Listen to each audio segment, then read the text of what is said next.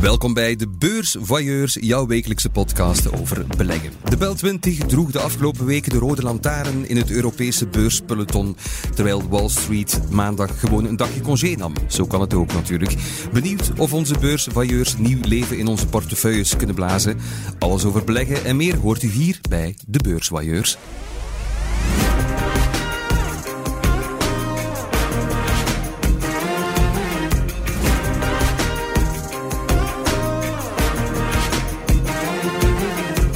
En wederom betoverend mooi volk rond de tafel hier. Ellen Vermorgen en Christophe de Rijke van de Tijd. Welkom Ellen en Christophe. Hey Thomas. Dag Thomas. En ook vandaag hebben we een uitgelezen gast in ons midden. En dat is niemand minder dan Vincent van Dessel, voorzitter en CEO van Euronext Brussels onder beursvoyeurs ook wel bekend als de Brusselse beurs. Met andere woorden, we hebben de grote baas van de Brusselse beurs te gast. Mag ik Vincent zeggen?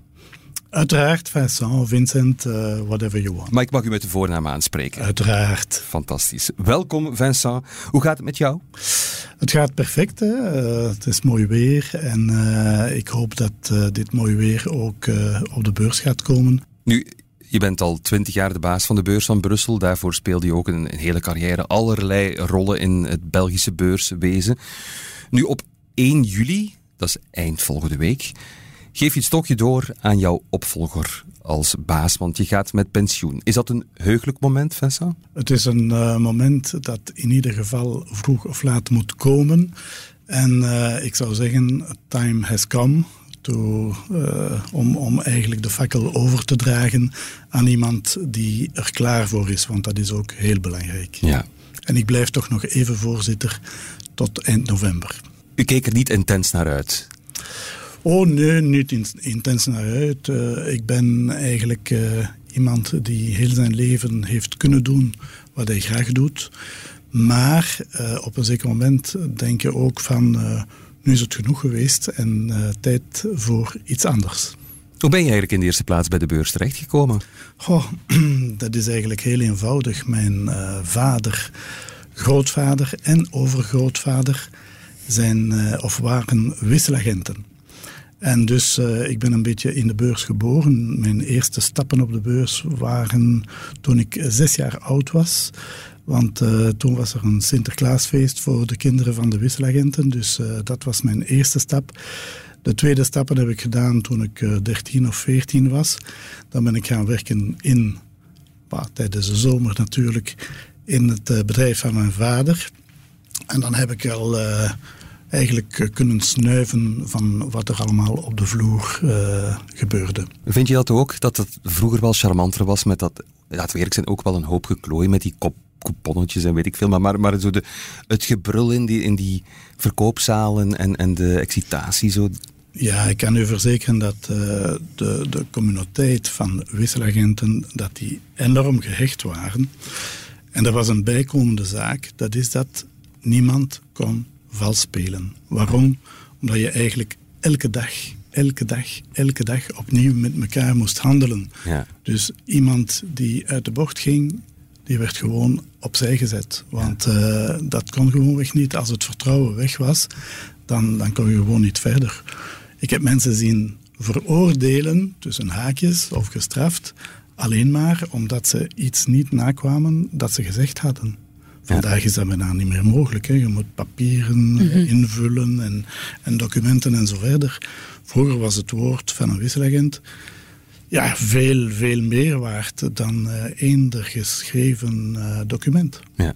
Ja, dus die aansprakelijkheid was, was groter, was natuurlijker ja. dan, uh, dan ze vandaag is bij die ja, verspreide handel. Hè? Ja. ja, je werd gecontroleerd door uw, uw, uw concurrenten en exact. uw collega's. Ja. Klopt het trouwens dat je als baas van de beurs van Brussel niet zelf in individuele aandelen mag beleggen? Oh, je mag dat of je zou dat mogen. Uh, maar ik zou zeggen liefst niet. Nu, uh, voor mij was het heel eenvoudig. Eens dat ik begonnen ben op de beurs, heb ik uh, besloten om nooit meer in aandelen te beleggen, tot aan mijn pensioen natuurlijk. Vanaf er gaat week een wereld voor u opengaan. Dat gaat, ja. Maar dus, dus eigenlijk heb je wel een hele lange tijd, laten we zeggen, je eigen product niet kunnen testen. Want je kon zelf niet beleggen. Ja, niet testen zou ik niet zeggen, hè, want je ziet toch elke dag wat er Ja, op de beurs wel. gebeurt. En ik had al ervaring, want ik, heb toch, eh, ik ben toch wisselagent geweest gedurende acht jaar en heel jong. Dat betekent dat ik toch wel wist wat er op de vloer gebeurde, wat er rond gebeurde, hoe de relatie was met klanten en zo verder. Dus, eh, en zeker ook hoe het eh, in marktenzalen aan toe ging, want in 89, dus drie jaar voordat ik op de beurs zelf begonnen ben, hebben we het eerste tradingsysteem ingevoerd, het CAT-systeem, waarop dat, eh, de waarden van de termijnmarkt werden genoteerd. Dus de meest liquide waarden waren al op een eh tradingsysteem. En dan zie je natuurlijk wat er kan gebeuren, onder andere de fat finger, eh, waar dat we eens... maar dat was dan, ik was dan toen wel al in de beurs, maar dat er iemand 1 miljoen aandelen van de generaalmaatschappij had gekocht, terwijl hij er maar duizend moest hebben. Want ja, dat was De eigenlijk... dikke eh. Nulleke- dikke vinger, maar Ja. dat was omdat het klavier was een speciaal klavier. En je had een klavier met 1, 2 en 3 nullen. Dus je had drie keer op, eh, of twee keer op... eh, Op die drie nullen. eh, die drie nullen getikt in plaats van op de 1 nul. Ja. Maar het was maar 100 aandelen. Dan was het een eh, hele affaire. Moesten we dat annuleren, niet annuleren en zo verder. De fat figure. Goed? Ja, Nog een vraag, wellicht een heel naïeve, maar dat eh, kenmerkt mij wel. Naïeve vragen. Hoe verdient de beurs eigenlijk geld? Ha, als je dat wil weten, dan moet je aandeelhouder worden van Euronext. Hè. Maar eh, nee, de beurs verdient geld op verschillende vlakken. Enerzijds natuurlijk de, de hoofdactiviteit gaat om trading, hè, dus eh, handel. Dus wij verdienen op elke transactie. Wij verdienen eveneens op eh, de notering van de aandelen bij een nieuwe IPO of ook een jaarlijkse bijdrage. Wij verdienen op eh, data, market data, dus eigenlijk de verkoop van eh, real-time koersen of andere data die we eventueel kunnen verkopen. We hebben nu bij Euronext opnieuw wat de activiteit rond eh, wat we noemen post-trade, want de beurs is niet alleen de front office waar je de koersen kan zien op een scherm, maar daarna moet de afwikkeling gebeuren. En dat is wel een, eh, een heel belangrijk element voor het vertrouwen in het instituut. Want eh, er bestaat eigenlijk geen markt waar de afwikkeling zo goed georganiseerd is en over de jaren heen ook nooit een probleem gehad heeft. En dat maakt ook het verschil met andere markten. In, alle, in andere eh, instrumenten zou ik zeggen, of zelfs in eh, markten op eh, ja, tweedehands of eBay of zo. Dat, het probleem is altijd de afwikkeling. En dus dat, daarop hebben we natuurlijk ook inkomens of depot van, van aandelen ook. Maar niet in Brussel, dat is bij Euroclear. Maar wel eh, in, eh, in Milaan, in eh, Oslo, zelfs in Denemarken, waar wij de beurs niet beheren.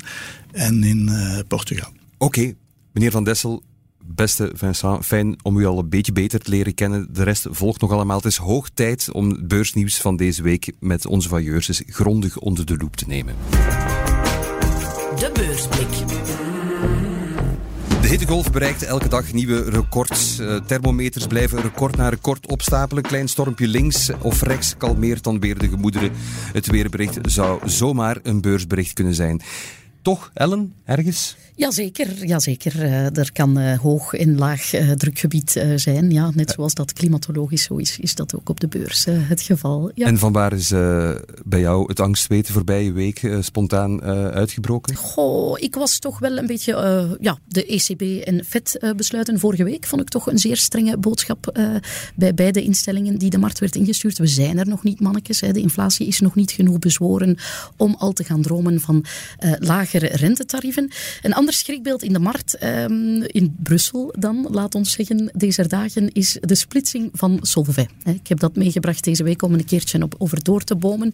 Omdat, ja, we blijven allemaal, meneer Van Dessel, dat mag ik u ook zeggen, een beetje op onze honger zitten voor nieuwe namen in Brussel. En binnenkort krijgen we er eentje gratis, omdat er een oude waarde in twee eh, splitst. Hè. Solvay, het oude chemiebedrijf, een juweel aan de kroon van de industriële geschiedenis in dit land. Ik vind het een schitterend bedrijf. Zij beslissen om uh, hun oude tak, hun oude chemie-tak en hun nieuwe, hippere, sexy polymeren chemie-tak in aparte entiteiten onder te brengen. Dat was al even aangekondigd, maar nu hebben ze ook een naam gekregen, begrijp ik. Ja, dat klopt. ze hebben zo'n beetje uitleg gegeven bij die boedelscheiding. En één element is de naam. En dat nieuwe bedrijf krijgt de naam Scienceco of Scienceco. Ik moet er nog een beetje wennen. Dat is, dat is meestal niet zo'n goed teken dat je de naam is als volgt of misschien ook als volgt. Dan denk je, zoek een andere naam. Ja, ja het, is dat. het is met een Y en een Q en elke letter staat dan weer voor wat anders. Ik vind het, ja, ik wil niet beledigend zijn, maar een beetje overthinking. Het is misschien een beetje te veel over nagedacht. Ik had het leuk gevonden mochten ze gewoon uh, Ernest gekozen hebben. Hè, naar Ernest Solvay, hè, een man met wie we uh, met z'n allen heel veel schatplichtig zijn. Dat is een volk waar je een makkelijke factuur van 500 euro voor mag Wie weet, dan hadden we in de Bel 20 een Ernest en een Solvay naast elkaar. Ik, ik zou het niet mooier kunnen bedenken. Maar het is dus Ciensco geworden en we gaan dat bedrijf uiteraard ook uh, graag zien. Ook al vinden we de naam op het eerste zicht niet zo mooi. Uh, en een groter punt dan de naam is een beetje de zorg bij beleggers over die boedelscheiding. Hè. je ziet, normaal gezien is de markt altijd blij als er een bedrijf uh, opsplitst, omdat het een, ja, een ingreep is die waarde moet ontbolsteren. Hè. Uh, een bedrijf kan zeggen, wij vinden ons onderschat uh, en wij splitsen bepaalde hoogwaardigere activiteiten met hogere marges af, in de hoop dat beleggers die gaan waarderen. En bij Solvay zie je nu een omgekeerde reactie. Um, in die zin dat in de dagen na de uitleg bij die boedelscheiding, dat de koers toch onder stevige druk komt te staan. Ook al is er wel sectordruk, hè. de hele sector kent moeilijke dagen in de chemie, maar bij Solvay is dat toch wat uitvergroot, omdat beleggers zich zorgen maken, een beetje technisch, rond ja, de, de solvabiliteit van dat nieuwe Solvay. Je krijgt daar dan een soort groeibedrijf dat tegelijk ook wel een dividend wil blijven uitkeren, maar dat ook heel veel wil investeren. En dan heb je um, een aantal zorgen van, ja, die gaan hun eigen schuld moeten uitgeven. Hè? Die kunnen niet langer op het schuldpapier teren van het, van het oude Solvay. Ze gaan hun, ja, zichzelf moeten financieren aan hogere rentes. En aan welke kredietscore gaan zij dat kunnen doen? Gaat dat bedrijf uh, wel investment grade? Gaat dat wel een, een mooie solvabiliteitsscore hebben? En dat is de zorg bij, bij beleggers, ja, dat dat niet vanzelfsprekend zal zijn voor dat Ciensco, ja. voor dat nieuwe Solvay, om die balans sterk genoeg uh, neer te zetten uh, om ook echt een mooie uh, kredietscore van de ratingagentschap. En waarom, waarom doen ze dat dan? Dat, dat, hadden ze die reactie niet zien aankomen? Ja, nee, ik denk, ze doen het met het, oog, met het oog op de lange termijn. En dat is denk ik het enige juiste oog dat je als manager moet hebben. En ik geloof, ja, de, de CFO maakt zich ook sterk. Hij zegt, die zorgen zijn ten onrechte. Onze balans is ijzersterk. Hij zegt zelfs uh, bulletproof, hè, uh, uh, zegt de CFO. Oh, de CEO ook een zeer goed track record en kan deliveren. Hij heeft dat al veel, vele malen waargemaakt. Mm -hmm. Dus voor mij is het een eerste schrikreactie die misschien een beetje overtrokken is, omwille van die issues rond, ja, rond de bonds of de fixed income kant van het, van het Solvay-verhaal. Ja. Want zij maken supercoole dingen, hè, die Ciensco ja? met name. Ja, dat, is, dat, ja. dat, dat, wordt toch alleen maar enthousiast over gedaan. Ah, wel, en dan plots, hier in, in onze smartphone bijvoorbeeld, ja, dat is, dat is uh, ja, Specialty Co. is, is Solvay polymeren. De anti-kleeflagen op, op de, de waar wij elke dag ons braadworstjes in, uh, in bakken, dat is Solvay. Allee, er zit in zoveel dingen zit er hele hippe Solvay. En de markt ziet dikwijls, oeh, Solvay een oude naam, uh, ja, natriumcarbonaat, soda ash, oude producten, terwijl zij echt ja, in heel complexere ja. chemische toepassingen zitten waar we niet meer zonder kunnen. En ik denk dat die splitsing dat toch wel aan het licht moet en kan brengen. Ja. Nu, dat aandeel krijgt er een beetje van langs. Uh, zijn dat ook opportuniteiten? Ja, wat mij vrijdag opviel, nu, nu bij, bij zo'n splitsing, maken beleggers zich ook vaak zorgen over eventuele fiscale gevolgen. Mm -hmm. We zien dat iedere keer bij een buitenlandse splitsing, je hebt daar het fameuze voorbeeld van Alibaba, die, die zichzelf in zes wil splitsen. Ja. Uh, de fiscus beschouwt zo'n spin-off spijtig genoeg als een, als een dividend, waarop je dan uh, 30% uh, roerende voorheffing betaalt.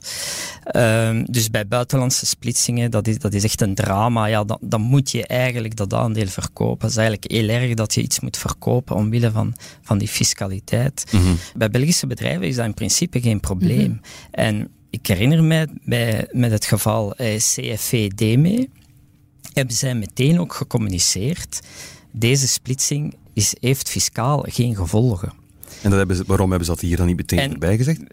Ja, Solvay liet daar niks over weten. En wij hebben Solvay vrijdag gebeld. Uh, Kunt u toch bevestigen? En uh, in de loop van de dag kregen we dan toch een antwoord van Solvay.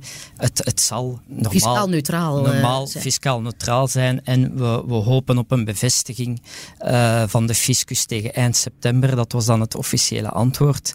En ja, ik denk dat dat wel een beetje spijtig was dat dat, dat niet meteen, net zoals CFV en DME het gedaan hebben, uh, misschien toch van in het begin best dat, dat bevestigen, want uh, ja, dat ligt toch ook heel gevoelig, denk ik. Ik wil toch graag nog heel even naar uh, Vincent, jij als baas en voorzitter van de Brusselse beurs Solvay, toch een van die reuzen. Hoe kijk jij daarnaar, naar hoe, hoe dit nu verloopt? Ik kijk nooit naar de korte termijn en enkel naar de toekomst, maar eerder de verre toekomst.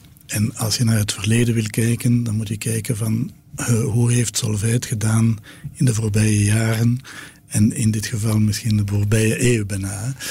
Kijk, uh, in het algemeen, als we kijken naar uh, familiale bedrijven, als die beslissingen nemen, en dat zijn ingrijpende beslissingen, dan zijn daar goede redenen voor.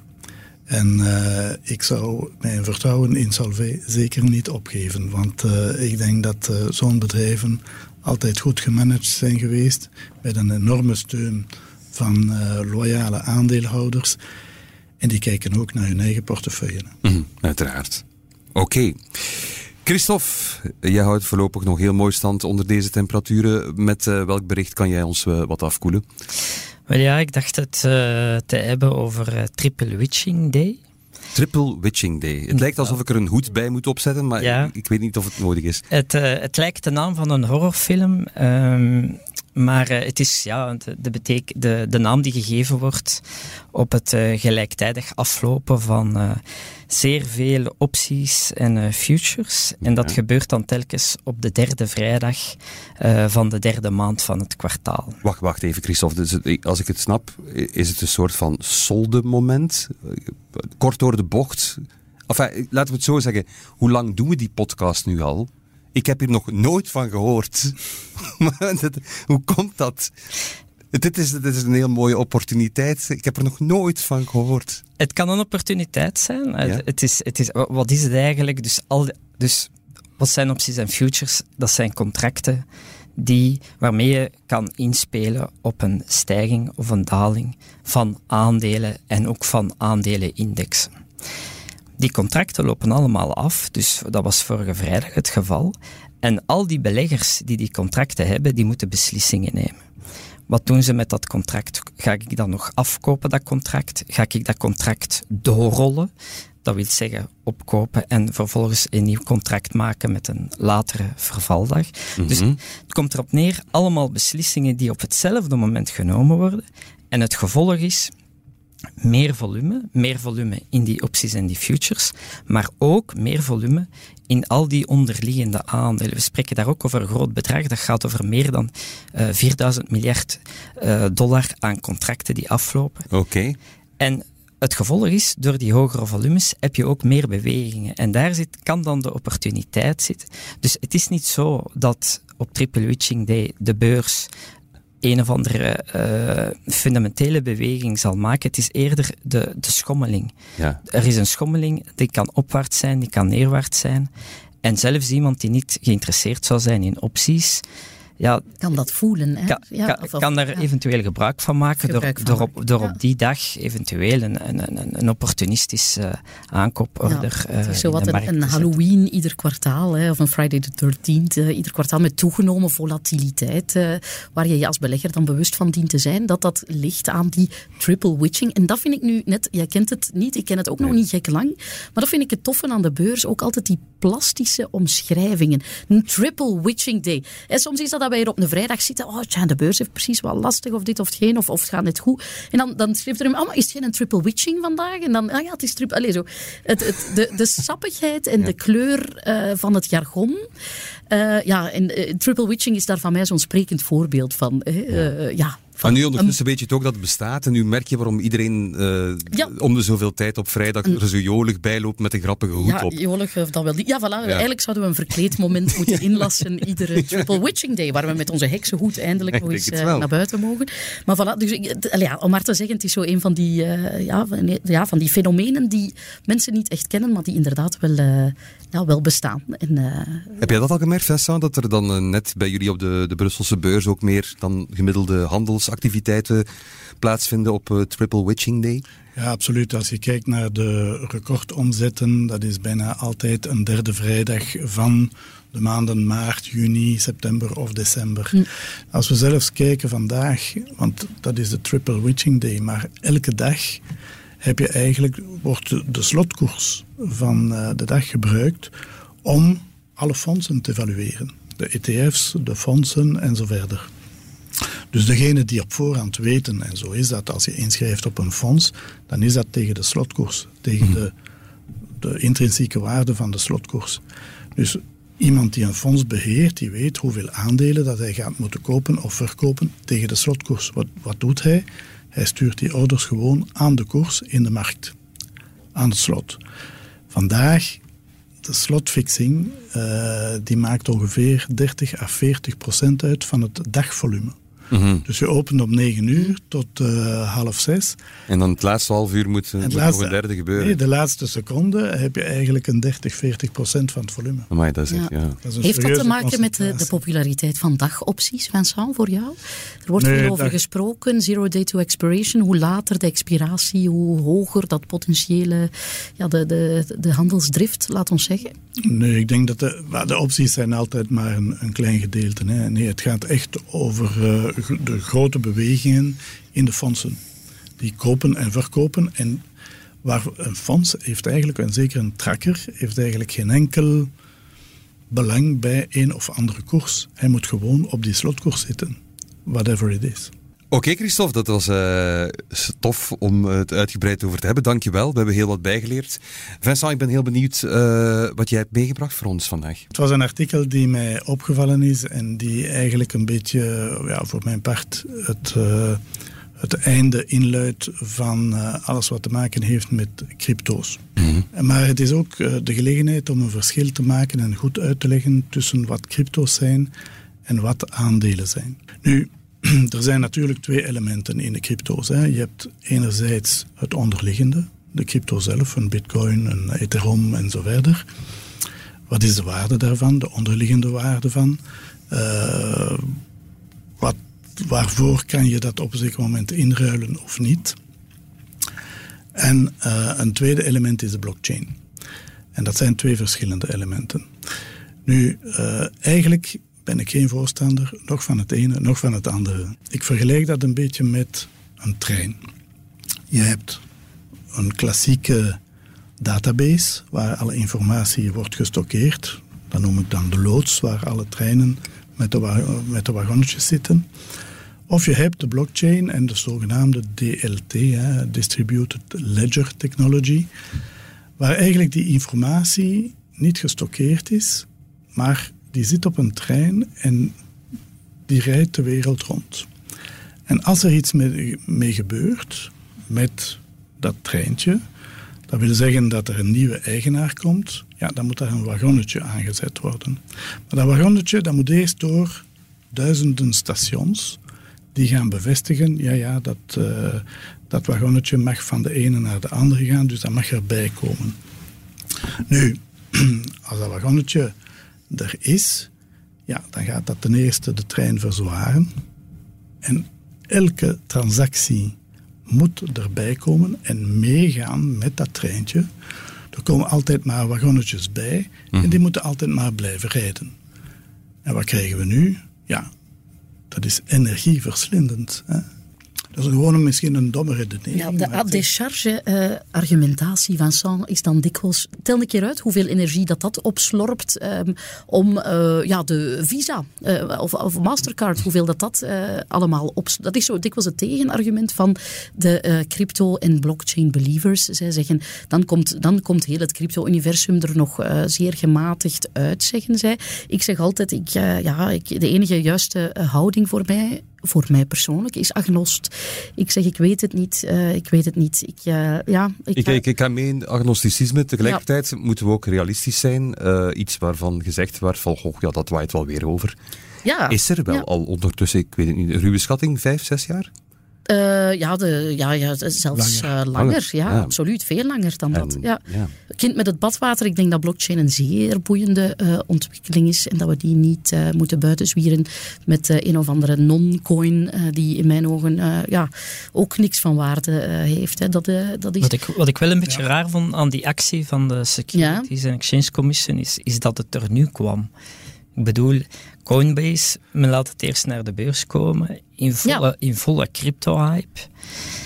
En, en nu, zoveel tijd later, eh, zegt men van ja, het, is, het, het voldoet niet aan de wetten van de beurs en zo. Dat, Dat lijkt een beetje opportunistisch bijna dan. Ja. dan vraag ik mij af, ja, waarom heb je dat niet eerder gezegd? hè? Ja. Ja, dat is iets uh, dat ik al uh, heb aangegeven ook uh, aan mensen die in het Europees Parlement zitten. Van hoe, hoe kunnen jullie zoiets laten doen? en uh, dan is het antwoord, ja, pff, als ze daar zelf niet mee bezig zijn, dan... uh, ja, maar nee, dan, dan, dan voelen ze eigenlijk niet het probleem, zolang dat er geen grote problemen zijn. Ja. En uh, het is professor De Gouwe die gezegd heeft, en dat is uh, volgens mij een heel juiste uitspraak, degene die crypto's kopen, die verdienen wat hen zal overkomen. Want zij denken dat zij daar zaken mee gaan maken. Op lange termijn is dat onmogelijk. Want dan gaan we naar de crypto's zelf. Die hebben geen enkele onderliggende waarde, behalve energieverslindend zijn. Nee, daar heb je geen certitude. Vandaar heb je dan die cold wallet. Hè, dat ze het uh, ergens opstaan. Er is trouwens een bedrijf hier in Brussel redelijk ver gevorderd met dat soort wallets bezig. Stel nu Vincent, die zeggen wij willen noteren op Euronext Brussel. Ga je dan zeggen jullie zijn welkom? Of ga je zeggen nee, daarvoor uh, ja, heb ik te veel vragen bij jullie ecosysteem en jullie zijn niet welkom? B bijvoorbeeld, of een blockchainbedrijf dat op Brussel wilt staan. Zijn ze welkom of, uh, of niet? Voor mij, nee. Heel eenvoudig. Nog een weekje niet welkom dus. Nog een weekje. Misschien met Benoit, Benoit van den Hoven ja, horen hoe dat hij, hoe dat hij daar ja, de opvolger gaat eens horen. zien met mijn opvolger, maar uh, ik, uh, voor, voor mij is het nee. En uh, ik denk dat ik op dezelfde lijn lig dan met de FSMA. Boeiend thema. genoeg voor enfin, iets, iets waar een volledige podcastreeks aan kan gewijd worden. Maar nu is het even tijd om Wanda alle aandacht te geven en om eens in jouw portefeuille te kijken, Vincent. Oei. Ja.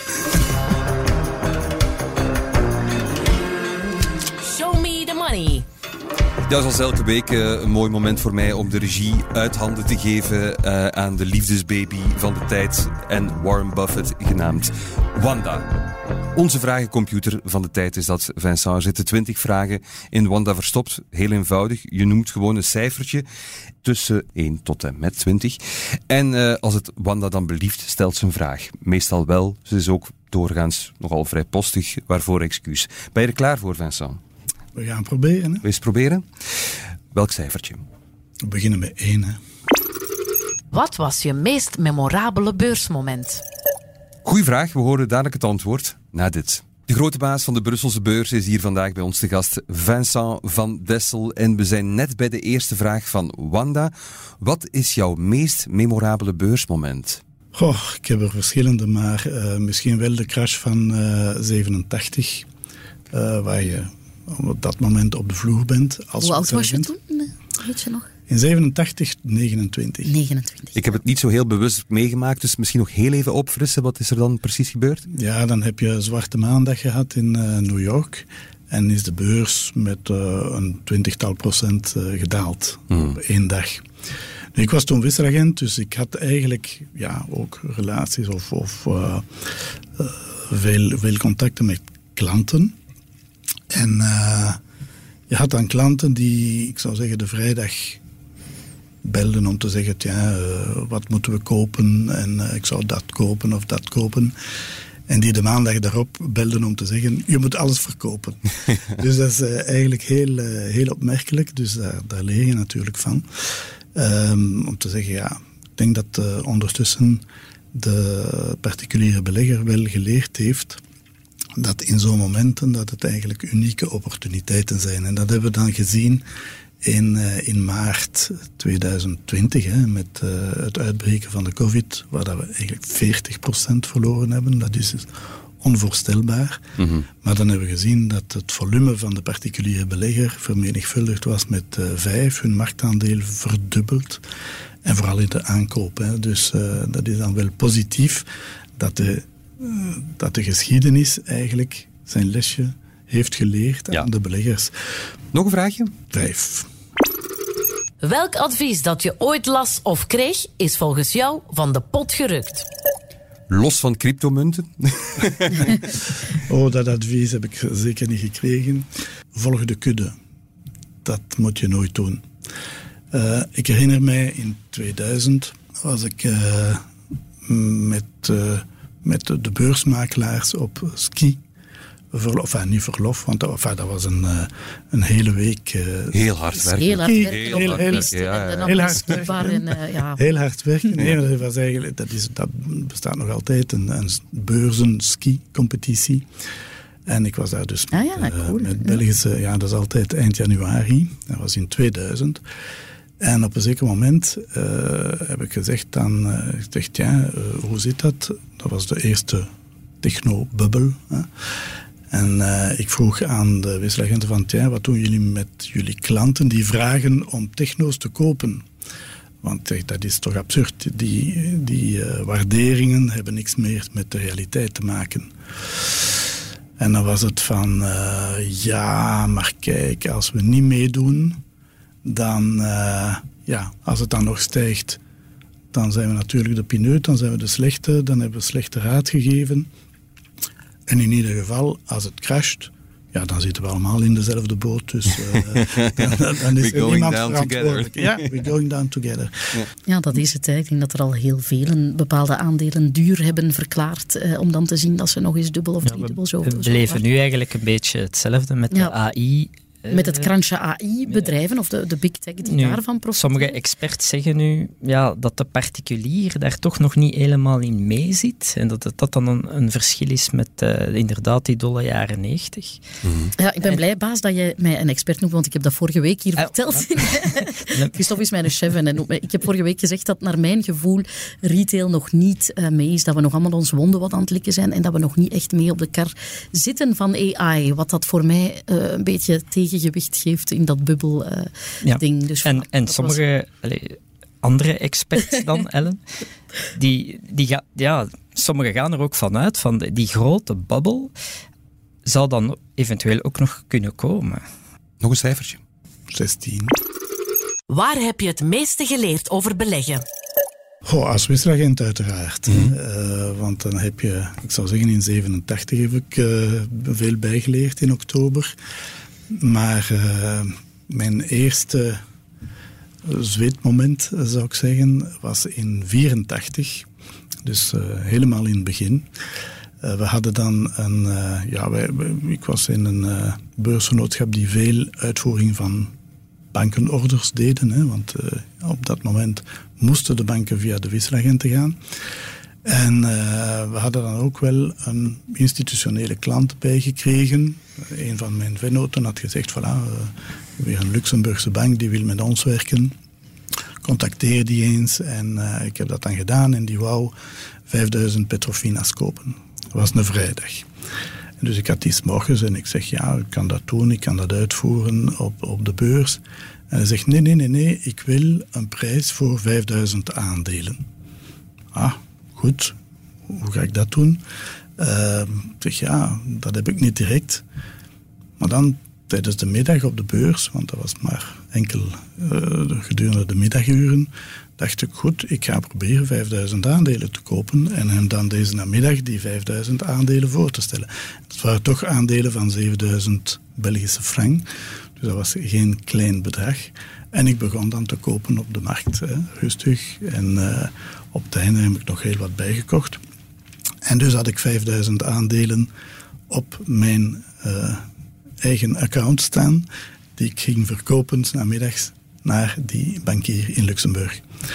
Ik bel dus namiddags naar Luxemburg en uh, de secretaresse zegt mij: Oh ja, maar die is al vertrokken en die komt maar binnen tien dagen terug.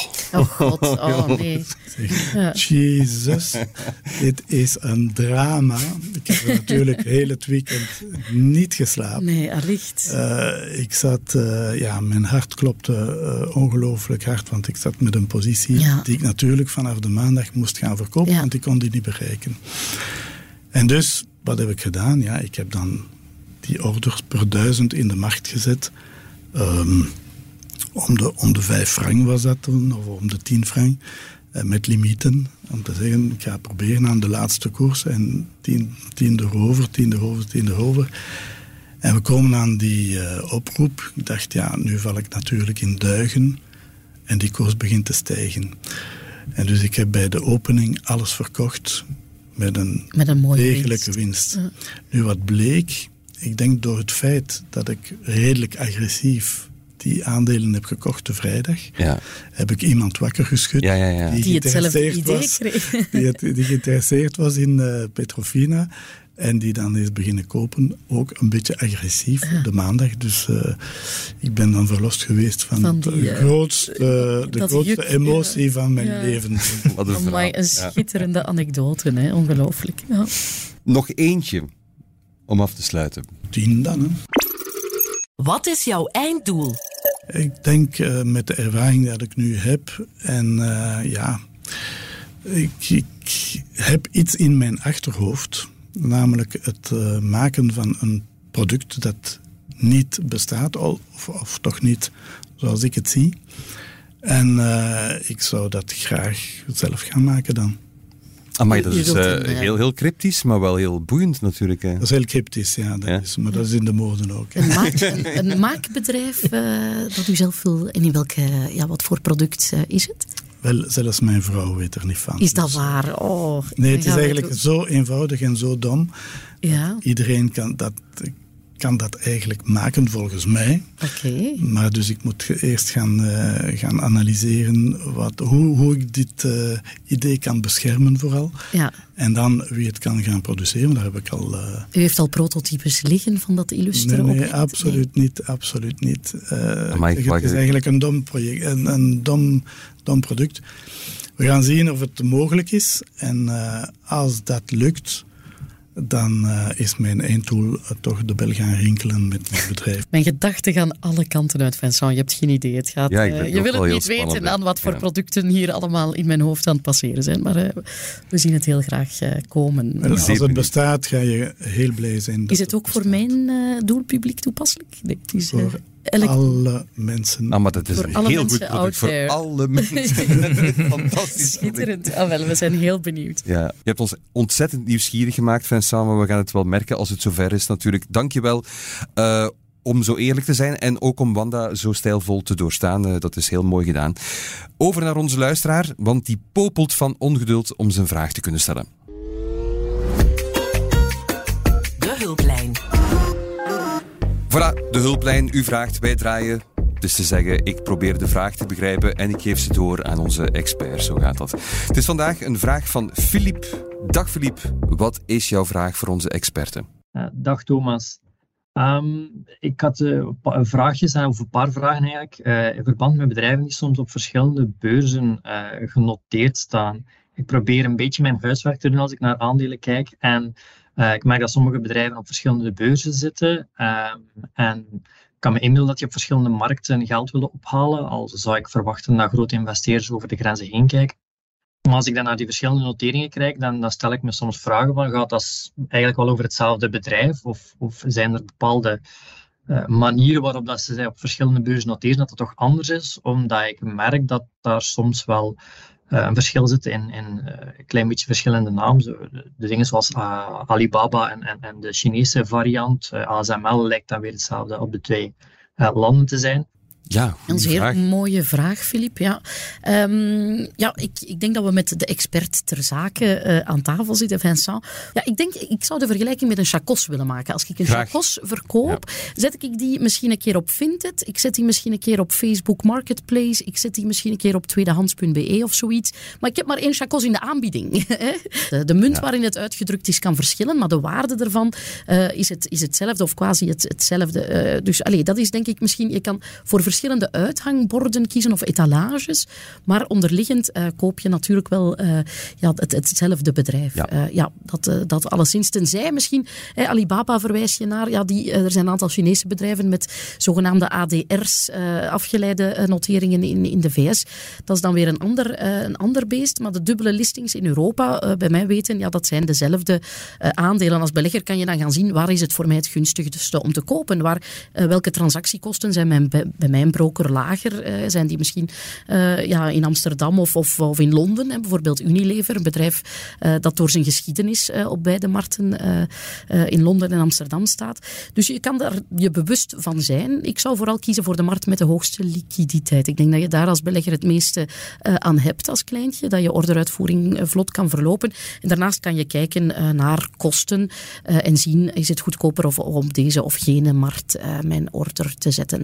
Maar ik ga Vincent laten aanvullen, want die kent dat natuurlijk van binnen en buiten. Ja, inderdaad. Het is, het is eigenlijk een, een hele goede vraag, want door MIFID is eigenlijk het beurzenlandschap volledig veranderd. Europa heeft concurrentie willen creëren voor de beurzen zelf, maar dan spreken we over Europa. Maar je kan natuurlijk ook uh, overseas gaan. Hè. Dus je hebt een aantal bedrijven zoals Argenix, bijvoorbeeld, die ook op Nasdaq genoteerd is. Dus er zijn uh, verschillende elementen. Enerzijds de verschillende markten voor hetzelfde aandeel. Daar ga je, zoals je zegt, Ellen, uh, de meest liquide markt heb, hebben. En dat is gewoonlijk de thuismarkt. Je hebt dan een paar concurrentiële markten, zoals uh, CBOE of uh, Turquoise. Maar die markten, dat zijn eigenlijk markten waarop vooral traders aanwezig zijn. Het probleem daarvan is dat die spreads op die markten veel groter zijn. En dan moet je wel opletten wanneer dat je een aandeel koopt, een Belgisch aandeel, een uh, Nederlands aandeel, een Frans aandeel dat je wel goed weet waar, waar, op welke markt dat, dat uitgevoerd is. Want als dat niet op de centrale markt is, ik zeg altijd dat wij de oceaan van de liquiditeit zijn en het water vloeit altijd naar de oceaan zelfs. Al zijn er af en toe wat meren ertussen, maar daar heb je niet veel verdamping en minder liquiditeit in ieder geval. Als die gaan via een andere markt, dan heb je dikwijls een mindere prijs.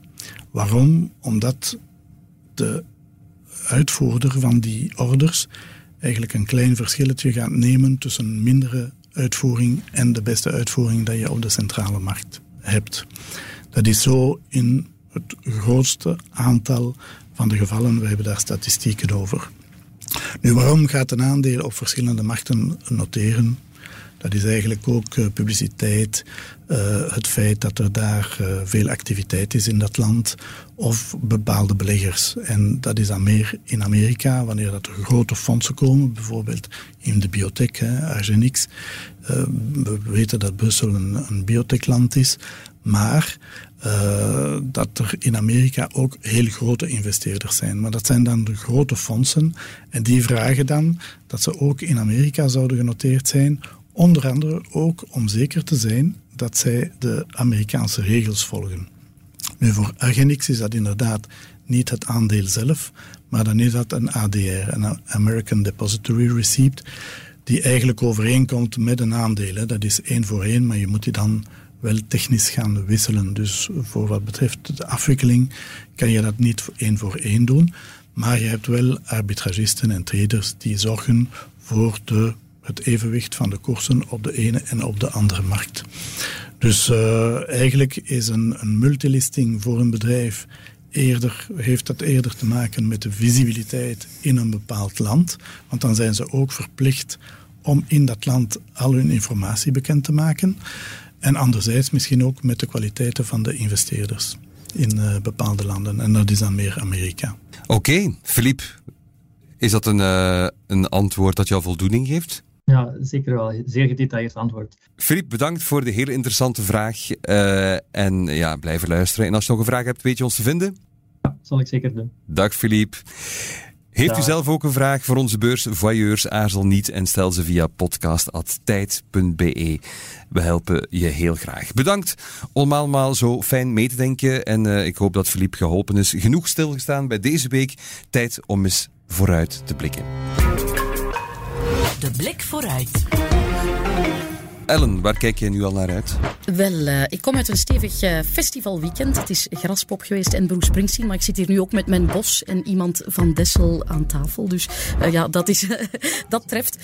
dit weekend zal het iets minder muzikaal zijn, maar ik kijk wel uit naar iets rock and roll op de beurs. En dat is Virgin Galactic, het ruimtevehikel van Richard Branson. En zij plannen hun eerste commerciële ruimtevlucht op 27 juni.